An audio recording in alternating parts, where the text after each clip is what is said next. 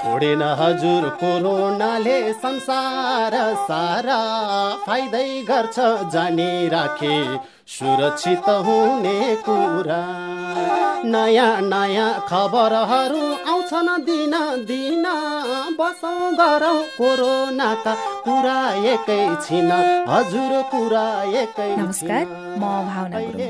पेसाले न्यायाधिवक्ता राधिका सुवालको दैनिक नयाँ मान्छेहरूसँग भेटघाट भइरहन्छ। केही दिन अघि मैले उनलाई एउटा खोप केन्द्रमा भेटेकी थिएँ जति बेला उनी हातमै खोप कार्ड लिएर बसिरहेको के के लेखेको हुँदो रहेछ?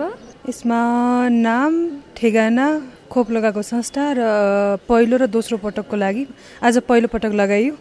इलेभेन फाइभको डेटमा Covishield four one two zero Z zero zero four नाम नम्बरको लगाइयो आज। अब तपाईँ दोस्रोचोटि लगाउन चाहिँ कहिले आउनुपर्छ? चार हप्तापछि भनेको छ। दोस्रो पटक खोप लिन आउँदा अनिवार्य रूपमा लिएर आउनुपर्छ। कार्ड चाहिँ सुरक्षित राख्नुहोला भनेर लेख्ने रहेछ। अनि यो भन् यो कार्डको पछाडि पनि केही सन्देशहरू लेखिएको हुने रहेछ है? ए अँ हो रहेछ। भर्खर सिक्ने कोभिडबाट बस्न र बचाउन प्रत्येक व्यक्तिहरूले निम्न कुराहरू निरन्तर अवलम्बन गर्नुपर्छ भन्ने कुरा छ। यो त हामीले कोभिडको यो जुन भ्याक् कोरोना भाइरस जुन आयो त्यो बेलादेखि गरिरहेको काम हो यो। साबुन पानीले हात धुने मास्क लगाउने र सामाजिक दूरी कायम गर्ने कामहरू हामी गर्दै आइरहेका छौँ। यही कुरा यसमा आज हामीलाई गर्नु भनेर जनचेतना जगाउने यो इन्फर्मेसन पनि रहेछ यसमा। र अरू याद गर्नुपर्ने कुरा भनेर बालबालिकाहरूलाई राष्ट्रिय खोप तालिका अनुसार पन्ध्र महिनाभित्रमा सबै खोप लगाउनुहोस् भनेर यो उनीहरूलाई अगाडि जन्मिँदादेखि लगाउनु पर्ने खोपको बारेमा पनि जानकारी गराएको रहेछ। जानकारीमूलक एकदम। हजुर। एकदम नै। हजुर यो बालबालिकालाई अब अहिले त कतिपय मान्छेहरूलाई चाहिँ महामारीको बेलामा असुरक्षा हुन्छ असुरक्षित हुन्छ भनेर बालबालिकाहरूलाई हत्तपत्त खोप लगाउन नलैजाने त्यस्तो डर पनि हुन्छ नि त। त्यो कारणले पनि यहाँ सन्देश चाहिँ राखिदिएको हुनुपर्छ। हो। अनि तपाईँले यो खोप लगाइसकेपछि पनि हामीले के के कुरामा ध्यान दिने भन्ने कुराहरू चाहिँ यहाँ मुख्य रूपमा लेखिएको रहेछ? अघि तपाईँले भन्नुभएको जस्तै हामीले साबुन पानीले हात बारम्बार धोइराख्नु पर्यो। मास्क चाहिँ हामीले छुटाउनै भएन। जुन तपाईँले पनि लगाइरहनु भएको छ मैले पनि लगाइरहेको छु। हजुर एकदम त्यो मास्क त छुटाउनै भएन यो टाइममा। अब कसकोमा अब यो भ्या कोरोना भाइरसको इफेक्ट भनेको कसैले मजाले अब्जर्भ गरिरहेछ? कसैले सकिरहेको छैन त्यसलाई डिफेन्ड गरिरहेछ जसले गर्दाखेरि कसैले गाह्रो भएको छ कसैलाई गाह्रो भएको छैन। त्यो गाह्रो नभएको मान्छेहरूले पनि कोभिड कोरोना भाइरस बोकिरहेको भन्ने शङ्का गर्नुपर्ने अवस्थाको कारणले मास्क त छोड्नु पनि भएन। त्यही भएर मास्क त अलवेज म पनि लगाउँछु। कोसँग भाइरस छ भन्ने कुरा हामीलाई थाहा हुन्न नि त। त्यो हजुर त्यही कारणले गर्दाखेरि हामीले सतर्कता अपनाउनु पर्यो अनि अर्को भनेको दूरी कायम गर्ने। अनि तपाईँको आफ्नो कार्यालयमा चाहिँ कस्तो हुन्छ? आवत जावत हुन्छ कि हुँदैन? अनि दूरी कायमहरू गर्ने कुराहरू? हामी यस्तो छ हामी फ्रन्टलाइनमा बसेर काम गर्नुपर्छ। हामी अपराधमा संलग्न कोही भयो भने उनीहरूलाई सिधै ल्याएर हामीले बयान गर्नुपर्ने अवस्था छ।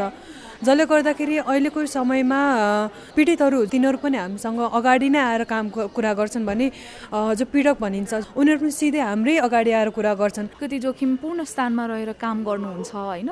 अनि अहिले भ्याक्सिन लगाइसकेपछि चाहिँ तपाईँमा कस्तो खालको हुने रहेछ? हुन त हामीलाई सानो सानो कुराले पनि हाम्रो हाम्रो मनहरू परिवर्तन गरिराखेको हुन्छ नि त। तपाईँलाई यो अहिले भर्खरै तपाईँले भ्याक्सिन लगाउनु भयो होइन?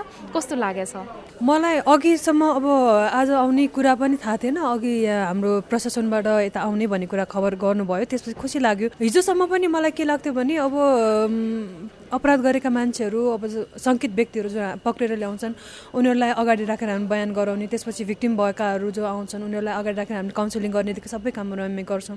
जसले गर्दाखेरि कोभिडबाट यो कोरोना भाइरसबाट चाहिँ हामी प्रोटेक्टेड छैनौँ है भन्ने कुरा हरेक पटक मलाई त्यो हरेक समयमा हरेक सेकेन्डमा लाग्थ्यो। र यहाँबाट भोलि गएर म घरमा मेरो बुढी आमा पनि हुनुहुन्छ बच्चा छ। घरमा जाँदाखेरि चाहिँ मैले बोकेर त लाँदिनँ। म आफूले त त्यो कोरोना भाइरसलाई डिफेन्ड गरौँला। म आफू अहिले यङ छु म सक्छु भन्ने लाग्यो होला। तर बच्चा र वृद्धलाई त त्यो गाह्रो कुरा हो त्यसलाई डिफेन्ड गर्न गाह्रो हुन्छ उहाँहरूलाई। बोकेर लाँदाखेरि घरमा जाँदाखेरि चाहिँ के हुने हो भन्ने डर चाहिँ जहिले पनि रहिरहन्थ्यो। तर आजबाट चाहिँ केही सुरक्षित हुन्छ कि भन्ने लागिरहेछ। हेरौँ। आश लागे आश लागेको छ।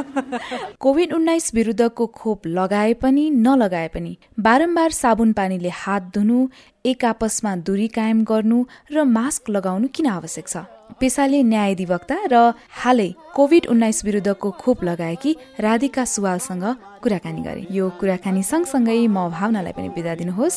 नमस्कार।